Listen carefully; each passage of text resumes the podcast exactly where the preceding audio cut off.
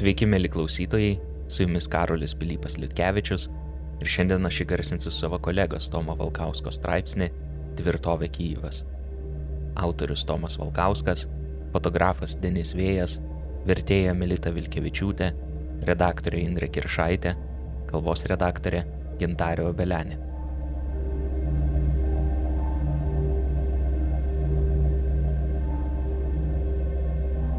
Apie penktą ryto, lik per sapną, išgirstu vyro balsą. Chlopcai, pavojus, kelkitės, reikia eiti į slėptuvę. Atrandu savį jėgų tik atmerkti akis ir po minutės vėl giliai užmiegu. Ryte nubudęs viešbutyje, esančiame per 7 km nuo Lyvivo, skaitau naujienas. Šiandien, kovo 13-ąją, iš Jodosios ir Azovo jūrų akvatorijų rusų kariai paleido maždaug 30 raketų. Dalis jų buvo numušta Ukrainos oro gynybos sistemos OGS. Dalis pataikė į tarptautinį taikos palaikymo ir saugumo centrą Javorivo poligone, Livivo apskrityje. 35 žmonės žuvo, 134 buvo sužeisti. Poligonas yra už 50 km nuo viešbučio, kuriame megojame. Mes, tai aš, mano kolega Denis Vėjas ir savanorių grupė iš Lietuvos ir Ukrainos. Javorivo bombardavimas tapo pirma Livivo apskrities ataka nuo karo pradžios. Apie 11 val. Livivo apskrityje vėl paskelbtas oro pavojus. Viešbučio prižiūrėtojas Petrovičius kviečia čia gyvenančius žmonės eiti į slėptuvę. Tai Petrovičius buvo atėjęs į mūsų numerį naktį. Ta kart neprabudome, tačiau po naujienų apie sprogimus poligone raginimai skamba įtikinamiau. Draugė su Deniu ir Vitaliku iš Poltavos taikiuoju metu verslininku, karo metu savanoriu, einame į slėptuvę priminančias pagalbinės pastato patalpas. Iki oro pavojaus pabaigos skaitome naujienas ir aptarinėjame pokyčius vakarų Ukrainoje.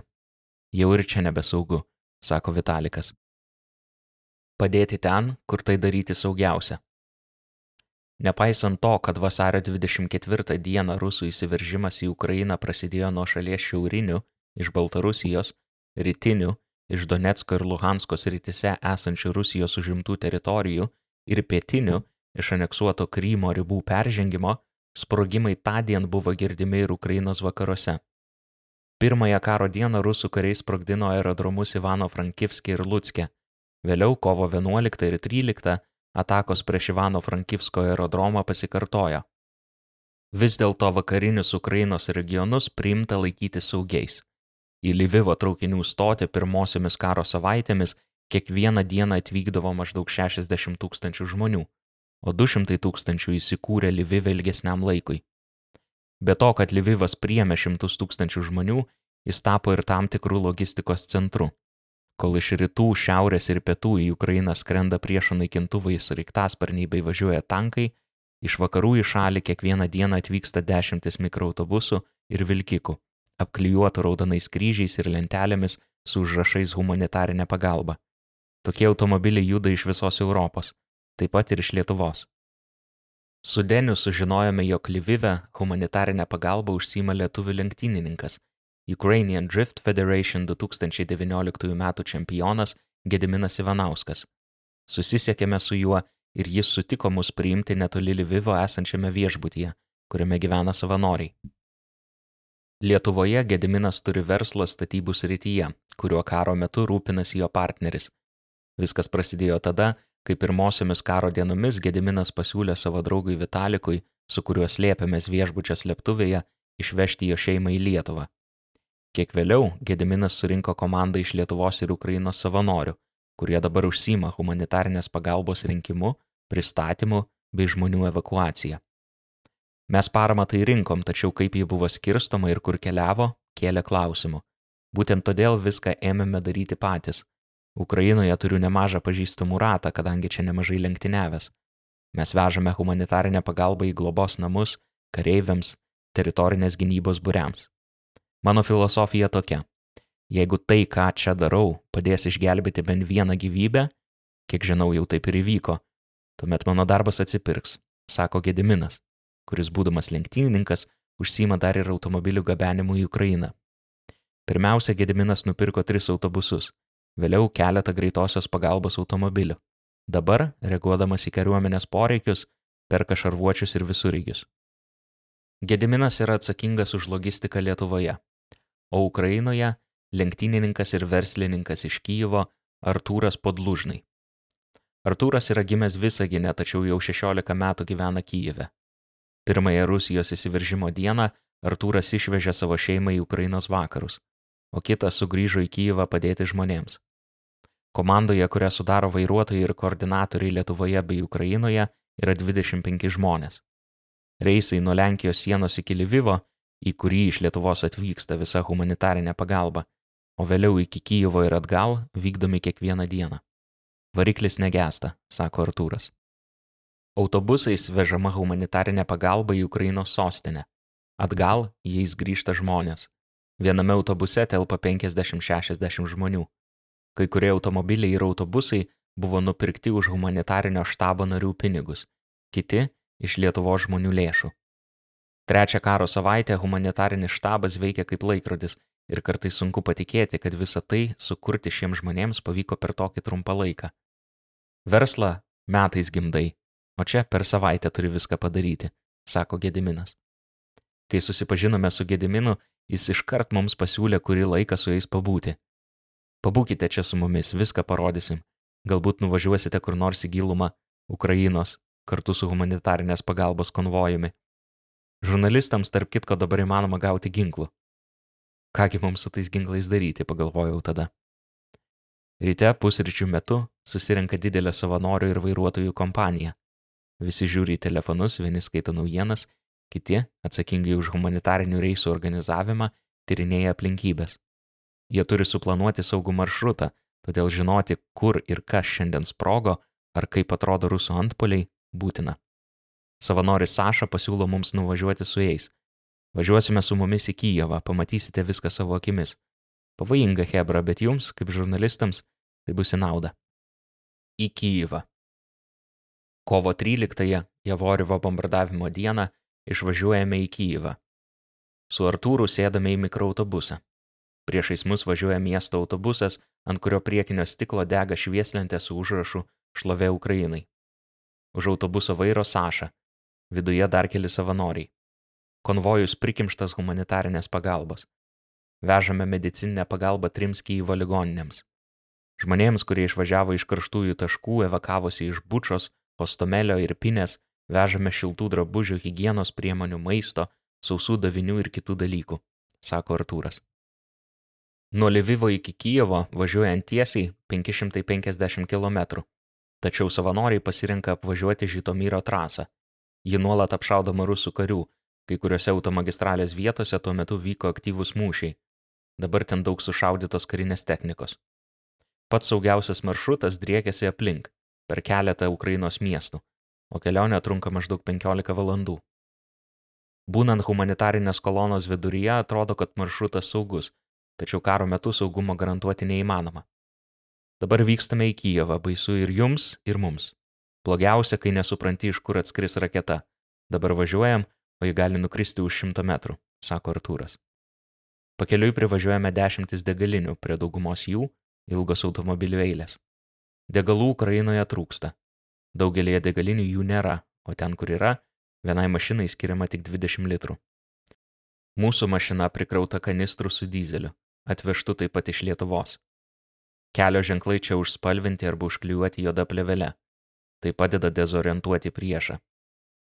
Važiuojant netoli Venecijos už poros kilometrų nuo mūsų, žemame aukštyje praskrenda karinis raiktasparnis. Nežinau, Hebra gerai tai ar blogai, ramiu tonu sako Artūras. Sraigtasparnis dinksta už kalvos, o kartu su juo ir grėsmės jausmas. Kai kurie Artūro draugai dabar kariauja. Važiuodamas jis bendrauja su jais vaizdo skambučiais. Telefono ekrane vietoj išsekusių ir karo nuvargintų veidų į Artūrą ir mus kreipiasi tvarkingi ir linksmi vyrai. Vienas kariškis su prižiūrėta tankia barzda sako, mes juk kariaujame savo namuose. Galime nuvažiuoti pašaudyti, tada grįžti nusiprausti ir tada vėl važiuoti pašaudyti. Kiekviename Artūro draugo žodyje jūsti užtikrintumas ir ramybė. Anksčiau, kad į armiją nepaimtų, tūkstantį dolerių mokėdavai, o dabar tūkstantį mokė, kad tik paimtų. Pizdimas koliams atrašyti, juokėsi kariškis. Kai Artūras pasako, kad kartu važiuoja žurnalistai, jo draugas sako, o kaip pas mus?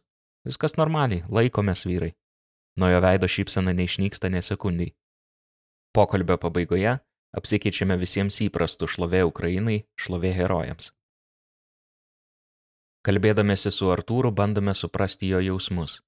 Taip pat, ką reiškia išgyventi tragediją, nukritusią ant jo ir jo artimųjų, draugų ir pažįstamų pečių. Kalbant su juo, kartais atrodo, kad karo nėra. Dabar niekam nepasiskūsi. Vieno artimuosius nužudė, kito dar nenužudė. Vieno namus susprogdino, kito mašiną paėmė, dabar visiems blogai. Turime viską daryti pagal karinę discipliną, be emocijų ir jausmų. Laukiu dienos, kai paskelbs grįžkite namo, karas baigėsi, mes laimėjome. Tada galėsime tas emocijas išleisti. Norėsime verkti, verksime, norėsime prisigerti, prisigersime, sako Artūras. Jis pasakoja, kaip įvykius išgyvena jo draugai kariškiai. Kartą bičiulis pasivedė į šoną ir sako, Pas mane minus keturi kareiviai. Akise ašaros, tačiau negalime duoti valios emocijoms. Apsikabiname ir išsiskirstome. Jie išvažiuoja į postus kariauti automatais, mes sėdame ir išvažiuojame su savo kolona. Humanitarinės pagalbos pervežimas taip pat dalyvavimas kariniuose veiksmuose. Artūras sako, kad rusų kariai nereaguoja į raudonus kryžius arba lenteles, informuojančias apie humanitarinės pagalbos transportavimą. Tokios mašinos gali taip pat būti apšaudytos. Keli savanoriai, pasak mūsų pašnekovo, buvo nužudyti, kai bandė evakuoti žmonės. Tai negazdina Artūro, bet gazdina jo šeimą. Sūnus man sako, tėti, aš labai bijojau, kad tavęs nesušaudytų. Sunku tokius dalykus girdėti. Sunku išvažiuoti, kai žmona verkia. Ji nenori, kad važiuočiau, bet nebando atkalbėti. Yra toks posakis, kas kitas jei ne mes. Aš turiu drąsos išvažiuoti, Mano žmona turi drąsos net kalbinėti. Jos mamą ir močiutę išvežiau į Lenkiją, sako Artūras. Kuo arčiau Kyivas, tuo labiau jaučiasi karas. Naktį miestuose ir kaimuose gatvės neapšviestos. Nuo 7 val. vakaro ne viename lange nedega šviesa. Keliuose taip pat tamsu. Taip siekiama išvengti priešo bombardavimų. Tamsoje artilerininkams ir lakūnams sunkiau orientuotis, suprasti, kurie punktai apgyvendinti.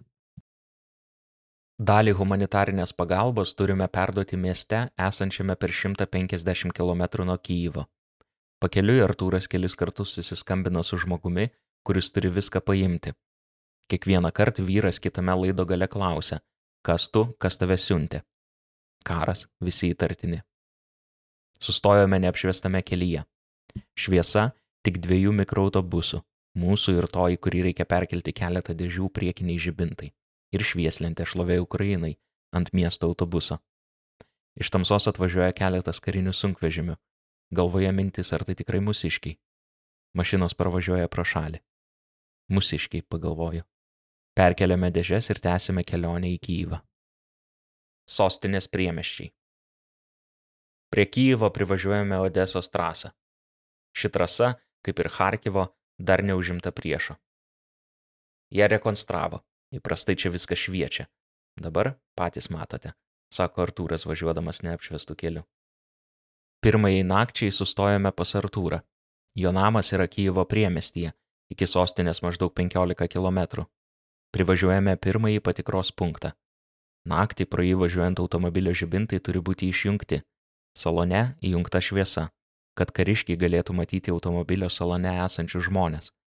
Visiškoje tamsoje atrodo, kad patikros punkto niekas nesaugo, tačiau mums artėjant, kairėje kelio pusėje įsižibė trys ryškios šviesos. Iš keurai akinančių lempų link mūsų artėja žmogaus su ant pėties kabančiu automatu siluetas. Labas vakaras, kur važiuojate? Vežame humanitarinę pagalbą iš Lyvivo, o dabar namo. Aš netoliese gyvenu. Žinote slaptažodį? Slaptažodžio nežinome, tačiau galiu paskambinti mūsų sargui, jis patvirtins, kad aš iš čia. Negalime jūsų praleisti. Kariškis pasiūlo mums važiuoti iki Artūro namų iš kitos pusės ir vėl pradingsta tamsoje. Atsisukame, lempus užgesta. Praėjus mėnesiui nuo karo pradžios, Kyjivo priemeščiai tapo žiauraus rusų įsiveržimo į Ukrainą liudininkais. Sušaudytų taikių būčios gyventojų už nugaros surištomis rankomis fotografijos kovo pradžioje apskriejo visą pasaulį. Ir pinėje rusų kariai šaudė į moteris ir mergaitės, po to tankais važinėjo per jų kūnus. Išvaduotų Kyjevo apskrities miestų gatvės buvo nubarstytos mirusių piliečių kūnais. Pirmosiomis rusų įsiveržimo dienomis kijeviečiai traukėsi į priemeščius nesuvokdami, kas ten jų laukia. Ką darė žmonės po pirmosios raketų atakos bangos vasario 24 dieną? Išvažiavo į savo kaimus pas močiutes, į sodybas aplink Kyjevą, nežinojo, kad Buča, Hostomeliai, Ivankyva užims per artimiausias tris dienas. Ir žmonės buvo pričiupti, pakliuvo į nelaisvę. Sėdėjo alkani, be ryšio, be šildymo. Mano žmonos sesuo keturioms dienoms dingo iš ryšio zonos, galvojame, kad jos jau nebėra tarp gyvųjų, pasakoja Artūras. Artūro namas yra nedidelėme kotedžų miestelėje 30 km nuo Irpinės. Tądien, kai atvažiuojame pas Artūrą, Kyjivo rajono miestuose vyksta dar intensyvesni mūšiai. Būtent todėl šiuose vietose dabar sustiprinta apsauga. Artūras pasakoja, kad jo kaimynai, kurie nepaliko savo namų, susibūrė į savanorių budėtojų būrius. Aplink visą miestelį pristatyta patikros punktų, kuriuos saugo Ukrainos kariškiai, o namų gyventojai kontroliuoja miestelį iš vidaus. Pamainomis jie patruliuoja savo gatvėse, prižiūri, kad į gyvenvietę neteitų diversantai. Dabar kaimynai bendrą čatą rašys, kas čia per įtartiną mašiną naktį atvažinėja, jokauja Artūras, turėdamas omenyje mūsų mikroautobusą. Namuose mus pasitinka dabar čia gyvenančios Artūro giminės. Kol su Artūro broliu laukia kalbamės apie karą, pro šalį praeina trys patruliai. Saugo apylinkę. Namų langose tamsu, tik karts nuo karto juose suspindi ryškus blyksniai, nušvečiantis ir visą gatvę. Nutylam. Už kokių penkių sekundžių ateis garsas, sako Artūro brolis. Už penkių sekundžių mus pasiekė duslus sprogimo garsas. Šviesos greitis visada didesnis nei garso, Greičiausiai tai mūsų OGS numušinėja raketas, prideda brolis. Jis sako, kad priprasti prie šito neįmanoma, bet dabar reaguoja ramiau nei karo pradžioje. Kol parūkome kažkur netoli mūsų, OGS numuša trys rusiškas raketas. Vakarienės metu Artūras pagautas įkvėpimo planuoja rytojų. Jis padeda mums ieškoti pašnekovų busimai publikacijai. Ryte pasikalbėkite su Agnieška, Artūro žmonos sese ir evakuacinių reisų iš Kyivo koordinatorė. Vėliau ligoninėje pabendrausite su gydytoju, tada meras, per pietus teritorinės gynybos kariai, vėliau pas dantistą ir pas snaiperius, sako Artūras. Užmiegame girdėdami duslius sprogimus. Pirmoji mūsų stotelė Artūro autoservisas. Mus pasitinka jaunas vaikinas Vitalikas. Ne tas, kurį sutikome Lyvive. Prieš mėnesį jis čia dirba mechaniku, o šiandien kaip ir daugelis sutiktų kelionėje, savanoriauja. Padeda pristatyti humanitarinę pagalbą, veža pabėgėlius prie Lenkijos sienos. Dirbtuvėse po pakeltų ryškiai oranžinių Ford Mustang sukrauti vandens buteliai, dėžės su konservais ir hygienos reikmenimis. Skubėdami krauname medikamentų dėžės ir vandenį į mikroautobusą. Iš skirtingų pusių ataidi sprogimai. Aidas šios garsus paverčia nenutrūkstamų užėsių. Kūnas į tai reaguoja adrenalino pliūpsniu. Įsiklausau, bandau pagauti virš galvos skrendančio lėktuvo garsą arba raketos švilpimą. Negirdime nei lėktuvo, nei raketos, bet pamatome pilkų dūmų stulpą, kylanti virš už kelių kilometrų esančio pramoninio pastato. Akomponuojant įvairiems karo garsams, sėdame į mašiną ir važiuojame į Kyivo regioninę ligoninę. Prie įėjimo į ligoninę stovi keletas slaugytojų ir gydytojų. Prieš minutę čia atvažiavo greitosios pagalbos automobilis. Tuo metu, kai iš automobilio medikai stumė vežimėlį su sužeistų vyrų, užklotų medicininę antklodę iš auksinės folijos, tokiamis antklodėmis užklojami hipotermiją, nušalimą patyrę žmonės, visai prie pat pasigirsta galingas sprogimas. Seselė pritupia ir išsigandusi žiūri į dangų. Ta pati daro ir gydytojai. Kelioms sekundėms visi sustingsta, o paskui greitai veža į ligoninę naują pacientą. Atvežė kariškį. Gyvas, bet sunkios būklės. Jis reanimacijos skyriuje. Bus gaivinamas, tada specialistai dirbs toliau, sako Kyivo regioninės ligoninės rengeno laborantas Aleksandras Karpukas. Čia vežami tik sunkus pacientai, nes tai klinikinė ligoninė. Visi jie atvežti iš aktyvių karo veiksmų zonų. Kariškiai iš fronto linijos, civiliai iš Kyjivos ryties, Bučos, Ostomelio ir Irpinės. Vyrauja kaulų lūžiai ir kitos sunkios traumos. Be to, prieš juos buvo smurtaujama, merginos buvo prievartaujamos. Daug civilių su šautinėmis žaizdomis. Neseniai atvežė ligonį, kuris eidamas į mišką Malku atsistojo ant okupantų minos. Dėja po dienos jis mirė. Vakar atvežė moterį, šalia jos progos vedinys keveldros pataikė į galvą. Operacija pavyko, ačiū Dievui jį gyva, pasakoja gydytojas. Be mūsų mikroautobuso į ligoninę atvažiavo ir kartu su mumis vykęs miesto autobusas. Visa savanorių komanda ėmė krauti iš jo maišus su šiltais drabužiais, antklodėmis ir pledais. Jūsų atvežti drabužiai atitenka evakuotiems žmonėms. Jie nogi, basi, ką buvo apsirengę taip ir atvyko, pasakoja Aleksandras. Be nuolatinio sunkius sužalojimus patyrusių pacientų srauto, į Kijevo regioninę ligoninę kasdien atvyksta automobilių su humanitarinė pagalba - su vaistais, drabužiais ir maistu. Tai reikalinga ne tik pacientams, bet ir čia ligoninėje, galime sakyti, gyvenantiems gydytojams. Aš pavyzdžiui nesu išėjęs iš ligoninės nuo vasario 24 dienos, dirbu 24 valandas per parą ir tokių dauguma, gal 80 procentų. Bet mes dirbame, laikomės. Vse būdė Ukraina, vse būdė peremoga. Lietuviškai viskas bus Ukraina, viskas bus pergalė, sako gydytojas. Humanitarinė pagalba iškraunama šalia autobuso. Medicinos darbuotojai viską neša rankomis arba greitosios pagalbos vežimu suveža į pastatą. Artūras prašo Aleksandro pranešti, ko dar jiems reikės. Skamba oro antskridžio sirenos. Čia susirinkusių žmonių veiduose atvyro nepajudinama ramybė, visi toliau užsima savo reikalais. Aleksandras pasakoja, kad dažniausiai ligoninės darbuotojai slepiasi slėptuvėse, tačiau tai ne visada įmanoma. Naktį beveik visą laiką kaukia sirenos, bet jei turime kritinių pacientų, dirbame, nes negalime laukti, sako gydytojas. Kitaip nei žmonės, kurie jau trečią savaitę gyvena karo sąlygomis, aš pats pirmosiomis valandomis naujoje realybėje jaučiu nerimą. Dėl nematomos grėsmės kybančios virš galvos, kūnas ir toliau išskiria adrenaliną. Sprogimas nuskambėjęs apylinkėse mūsų atvykimo metu vis dar neramina. Tai greičiausiai oro gynyba suveikė. Tikiuosi, daro prielaidą Aleksandras. Vėliau paaiškėja, kad Ukrainos oro gynybos sistema iš tiesų suveikė. Ji numušė virš Kievo skridusią Rusijos sparnuotąją raketą. Jos likučiai nukrito Kurenivkos rajone, už poros kilometrų nuo mūsų. Per sprogimą žuvo vienas žmogus, šeši buvo sužeisti. Automobilyje Vitalikas mums parodo sprogimo vaizdo įrašą ir sako, Stovėjome šioje sankryžoje. Nelaimė įvyko maždaug po dešimties minučių, kai nuvažiavome. Mes visada kariausime.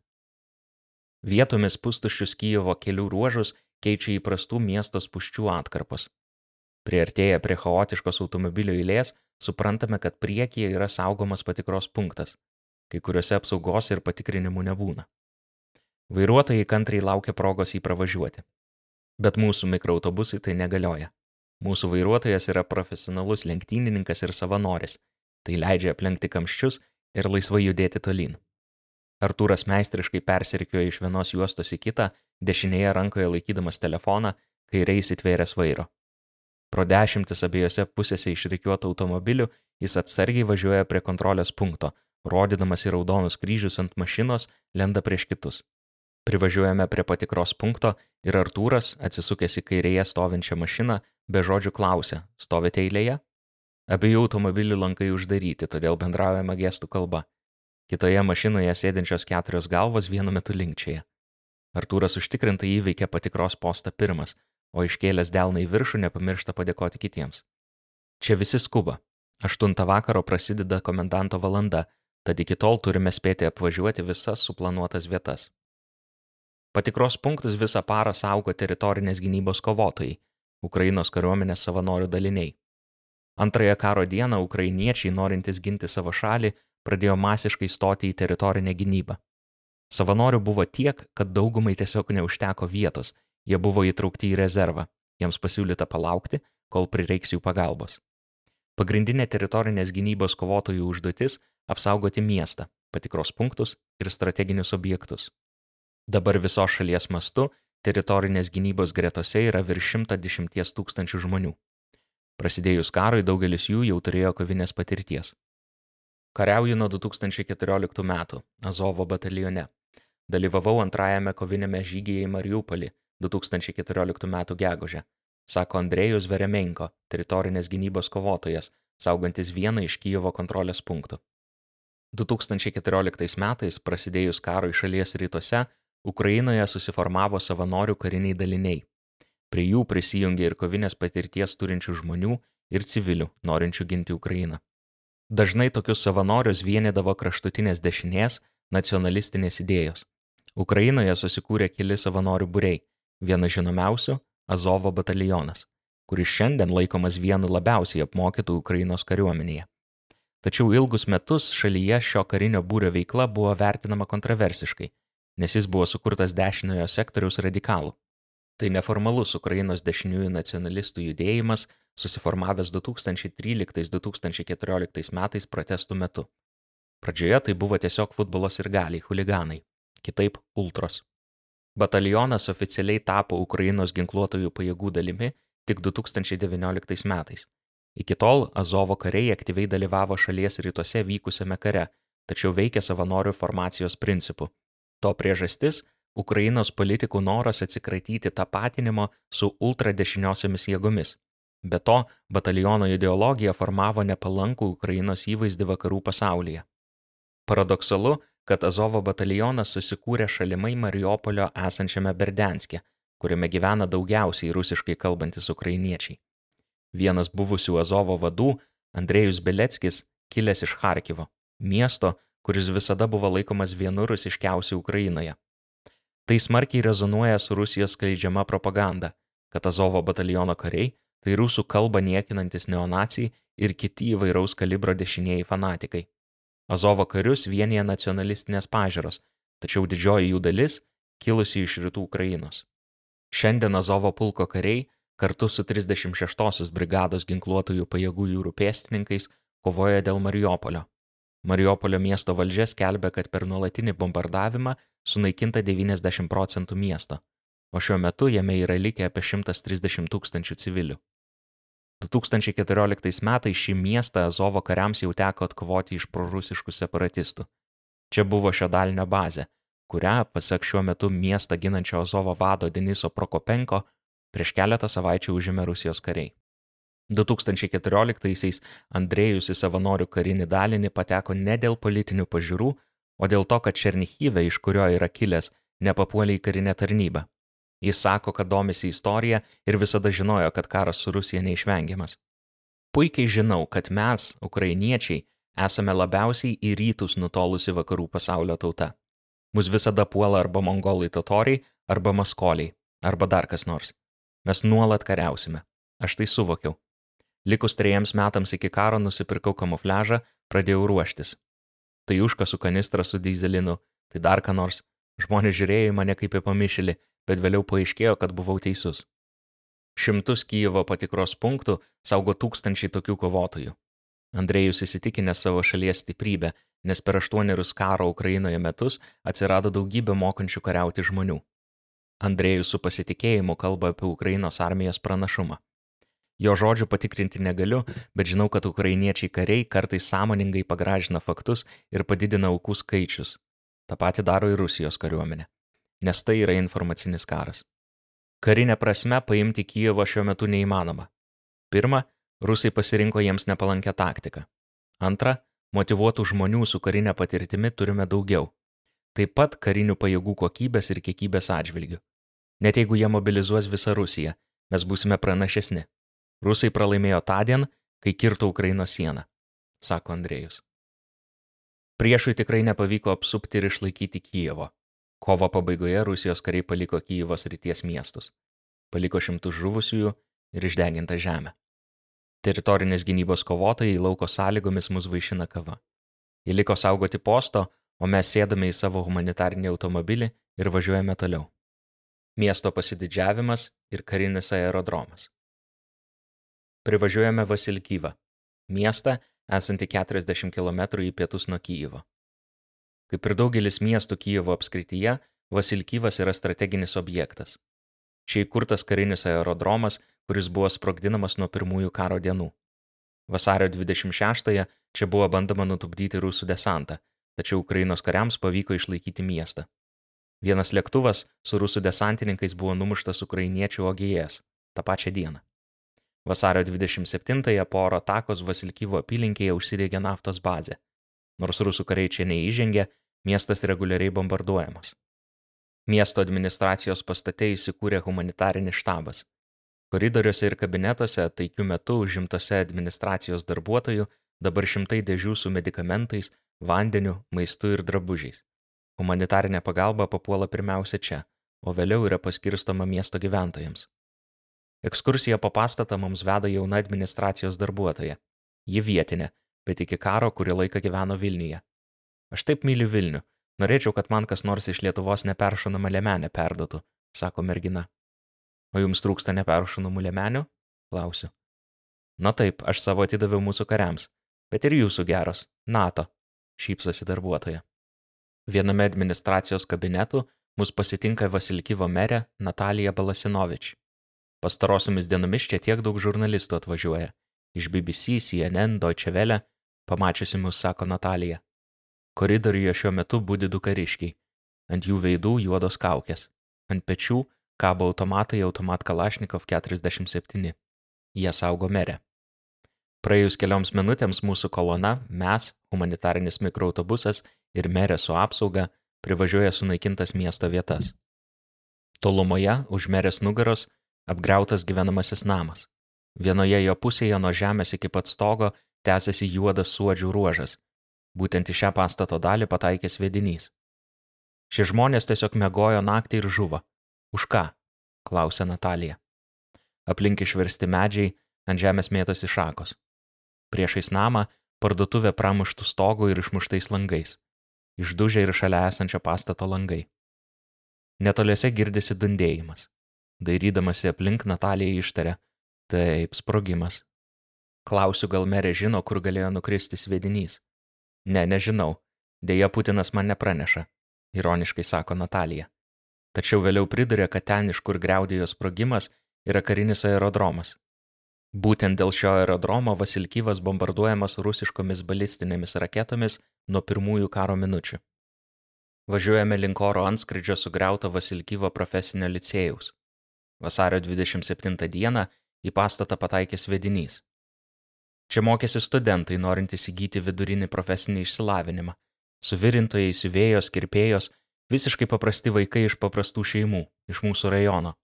Dar vasarą buvau jų išleistuvėse, jie buvo mūsų pasididžiavimas. Ar tai karinė bazė? Čia mokosi vaikai. Tai karinė bazė? Piktinasi merė. Pokalbio metu Natalija dažnai užsimena apie NATO ir pasaulio neveiksnumą. Pasak jos, ukrainiečiai pavargo nuo užuojautos ir laukia ryštingesnių žingsnių, tokių kaip dangaus virš šalies uždarimas. Apie tai, kaip ir apie šalies aprūpinimą polamaisiais ginklais, daug kalbėjo ir Ukrainos prezidentas Volodymyras Zelenskis. Haga ir visa kita bus vėliau, bet šiandien mums reikia gyventi, tiesiog gyventi. Po kiekvieno miesto apšaudimo mano dukra, jai 11 metų, skambina ir klausia, mama ar tu gyva? Nenorime taip gyventi. Mėnesį trukusios okupacijos metu kai kurie Kyivos ryties miestai gyvena blokados sąlygomis. Bučoje ir Pinėje, Borodjankoje gyventojams ištisą savaitės teko slėpti savo namų rūsiuose be vandens, maisto ir elektros. Nepaisant sunkios Vasilkyvo padėties, sugriautų pastatų ir nuolatinių oro antskridžių pavojaus, mieste liko įprasto gyvenimo požymių. Gyvenimas nesustojo. Per pastarąją savaitę mūsų gimdymo namuose gimė šeši vaikai. Parduotuvės dirba iki pietų. Ne visos, bet dirba. Neturi visų maisto prekių, bet maisto yra. Vaistinės taip pat dirba, nors ne visi vaistai prieinami.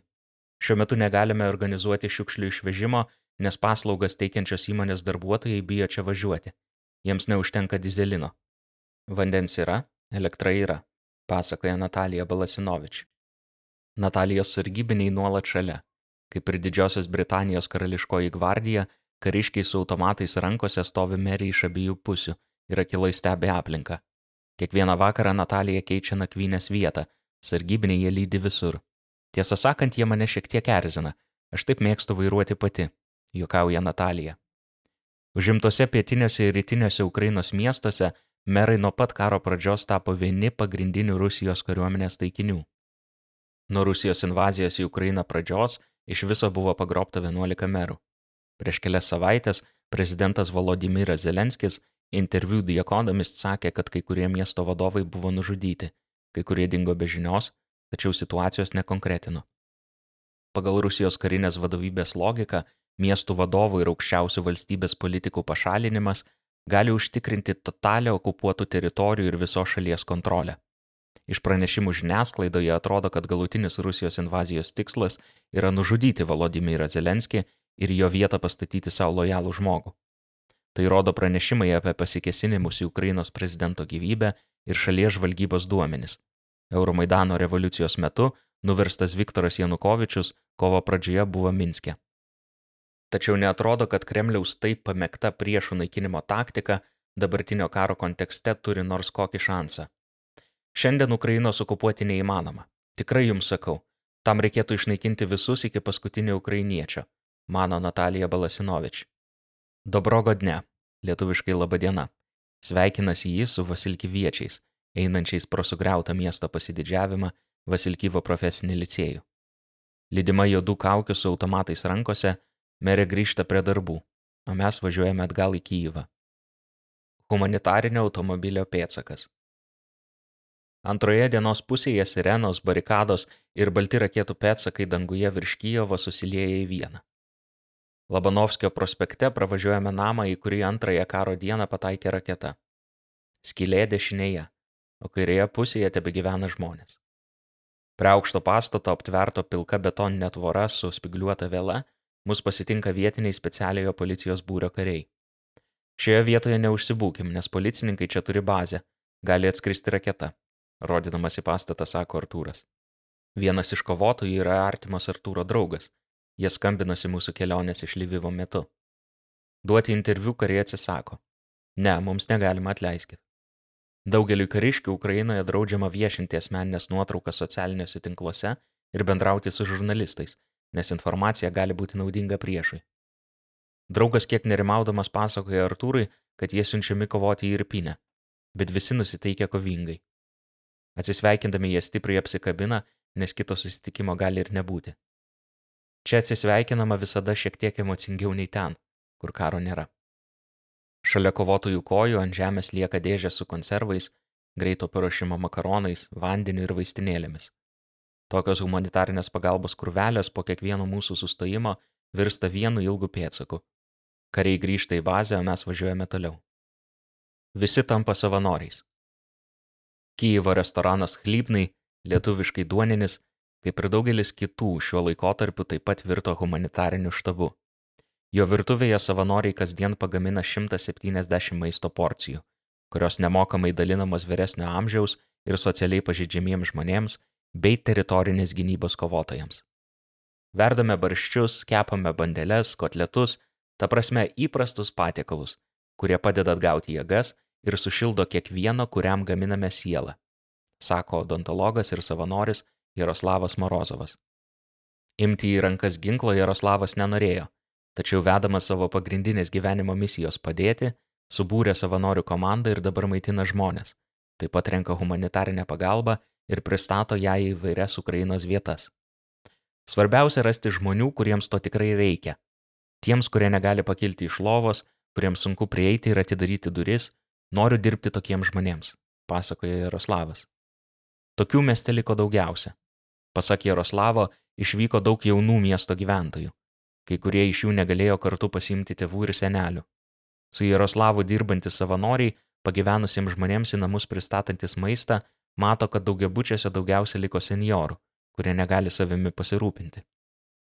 Jaroslavo komanda ne tik ruošia maistą, bet ir renka maisto paketus, kurie vėliau siunčiami į Harkivą. Černichyvą ir kitus miestus. Restorano baro vitrinoje vietoje užkandžių ir desertų, kurių čia dar buvo vasario 23 dieną, dabar dėžė su turniketais, tvarščiais ir vaistais. Kartais prie vaistinių Kyjeve nusidrėkė ilgos eilės, trūksta medikamentų. Jaroslavo komanda ieško žmonių, kuriems reikia pagalbos, aprūpina jos vaistais, reikalingais jų gyvybei palaikyti. Siekdami užtikrinti, kad humanitarinė pagalba ir maistas būtų pristatyti į reikiamą vietą, savanoriai viską fotografuoja ir siunčia į bendrus savanorių čatus. Mano požiūris į gyvenimą paprastas - ką gaunu nemokamai, tą nemokamai ir atiduodu, sako Jaroslavas. Jaroslavas - tai nuoširdus ir šviesus žmogus, daug šypsosi, viską daro iš širdies. Tuščiame restorane, kur ant stalų sukrautos apverstos kėdės, jis pavaišina ir mūsų ketveriukę. Gatvėje girdimi sprogimai ir sirenos užduoda mūsų pokalbiui ritmą. Jaučiuosi visiškai saugus, visiškai pasitikiu tais, kurie saugo mūsų miestą. Esu įsitikinęs, kad tai saugiausias miestas visoje Ukrainoje, užtikrintai sako Jaroslavas. Artūras su Jaroslavu susipažino prasidėjus karui. Dabar didžioji dalis maisto ir humanitarinės pagalbos Kyjivo gyventojams čia atkeliauja iš Lietuvos. Žinote, labai norėčiau kalbėti ne apie poreikius, o apie dėkingumą. Labai džiaugiuosi, kad Lietuvo žmonės buvo pirmieji, kurie su mumis susisiekė. Padedant Artūrai turėjome galimybę sulaukti gan rimtos paramos. Atvažiavo ne vienas autobusas su maistu, kūdikių maistu, drabužiais. Tai suteikė galimybės plėsti savo štabą.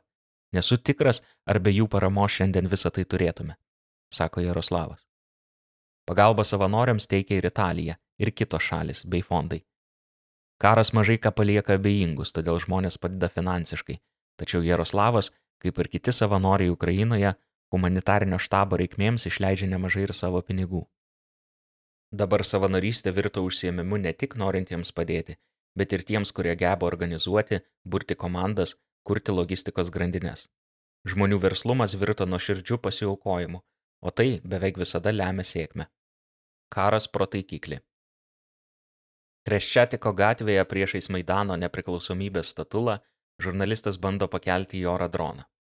Po kelių sekundžių vyras krinta ant pilvo, ištėsia rankas į šonus ir veidu atsiriamia į žemę.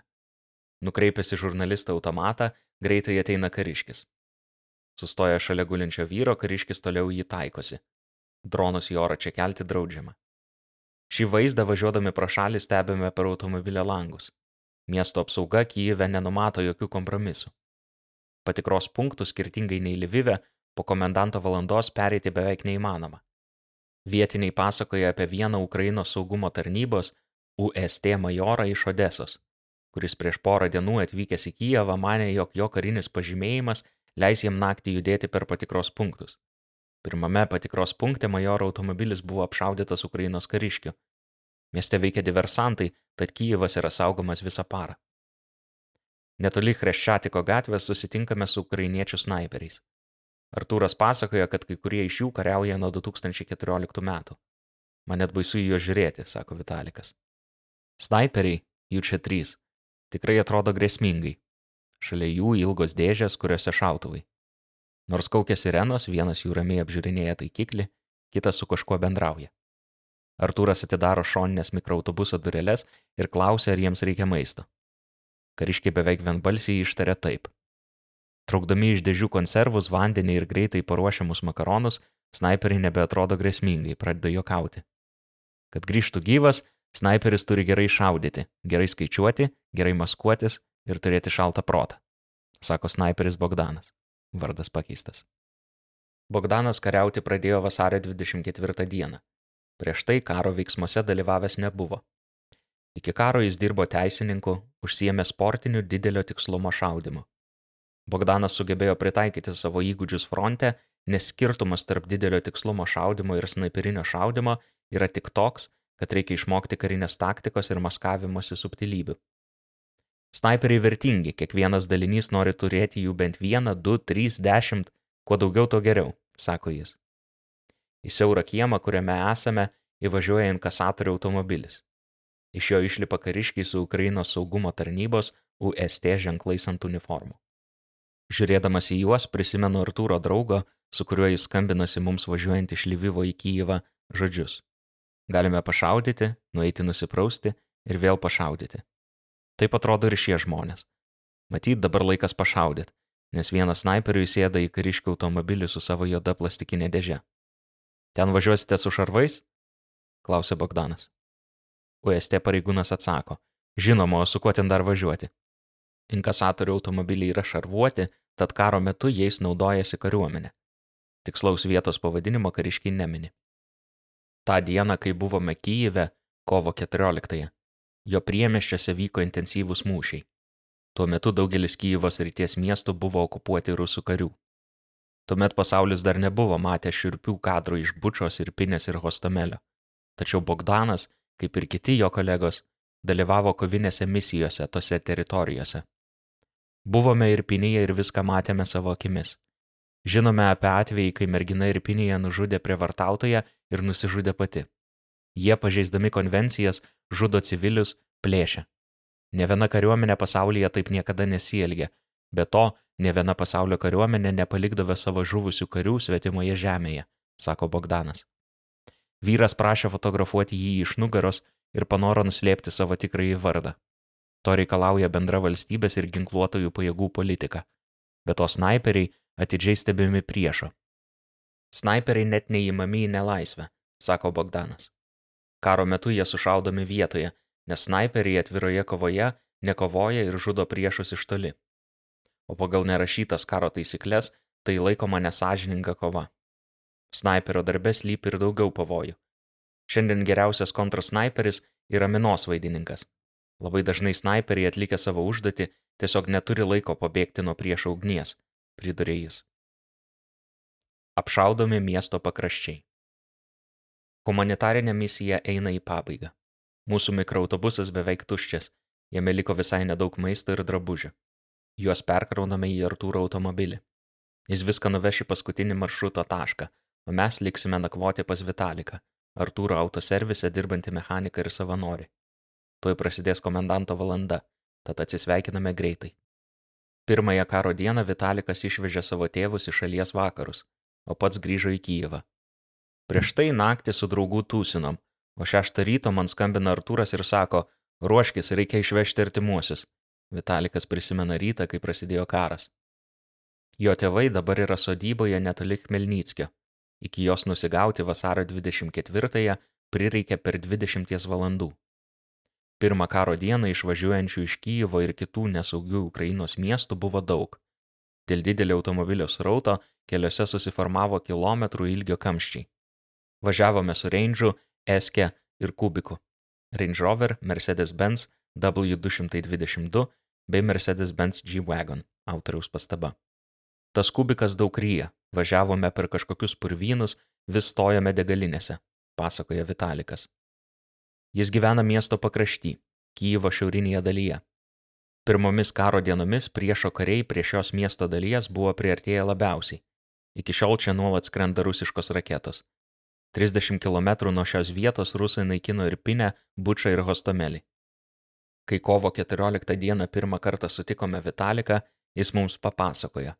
Šią naktį mano rajone raketa pataikė į namą, o aš net nebuvau atsikėlęs.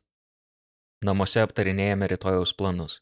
Kelsime anksti, nes Vitalikas važiuos savo reikalais, o mes su Deniu po dienos, kuri atrodo tęsiasi savaitę, praleistos Kyjive, važiuosime atgal į Lyvyvą. Užmiegame anksti, Apie ketvirtą, penktą valandą ryto atsibundame, nes būte dreba langai ir sienos, kartu ir visas mūsų devinaukštis. Iš gatvės girdisi vis stiprėjantis užėsys, chaotiškai kaukia automobilių signalizacijos.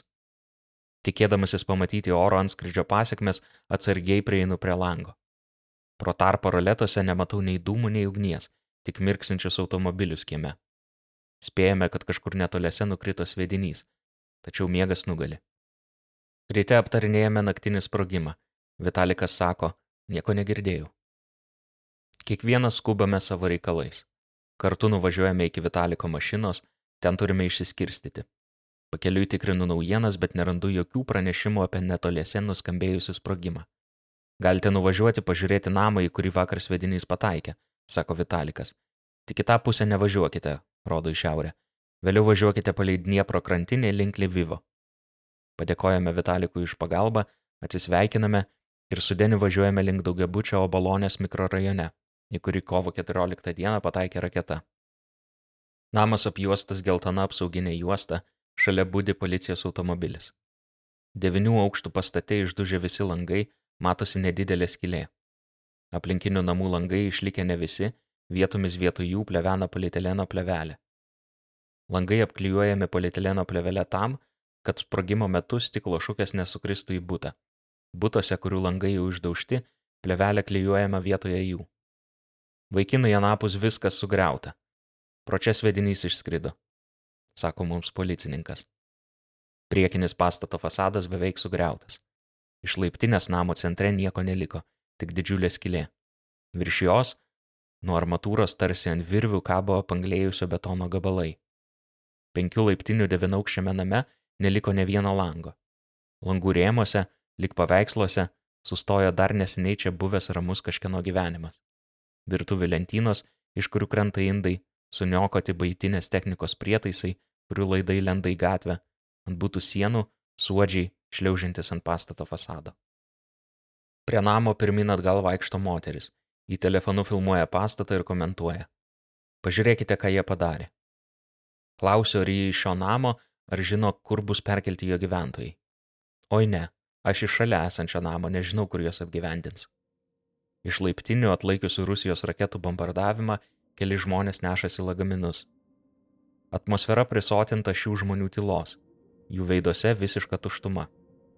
Lagaminuose ir krepšiuose gyventojai niekur išsineša buvusių gyvenimų likučius, o mes savo ruoštų paliekame Kyivą, iš pradžių į Lyvyvą, paskui į Lenkiją ir toliau į Lietuvą. Vėliau perskaičiau, kad sprogimas, nuo kurio naktį pabudome, greudėjo Kyjivo Podolskė rajone, maždaug už 10 km nuo mūsų. Sviedinys pataikė į gyvenamąjį namą. Jo pirmose penkiose aukštuose kilo gaisras.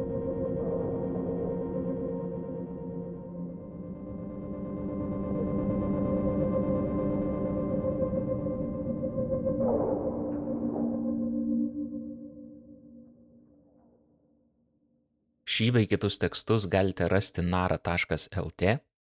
Kviečiu ten apsilankyti ir rasti šį tekstą, kuriame galite pamatyti Deniso vėjo fotografijas. Mūsų tinklalapyje taip pat galite užsiregistruoti naujienlaiškiui arba rasti mūsų socialinių tinklų profilių nuorodas. Ačiū, kad klausėte.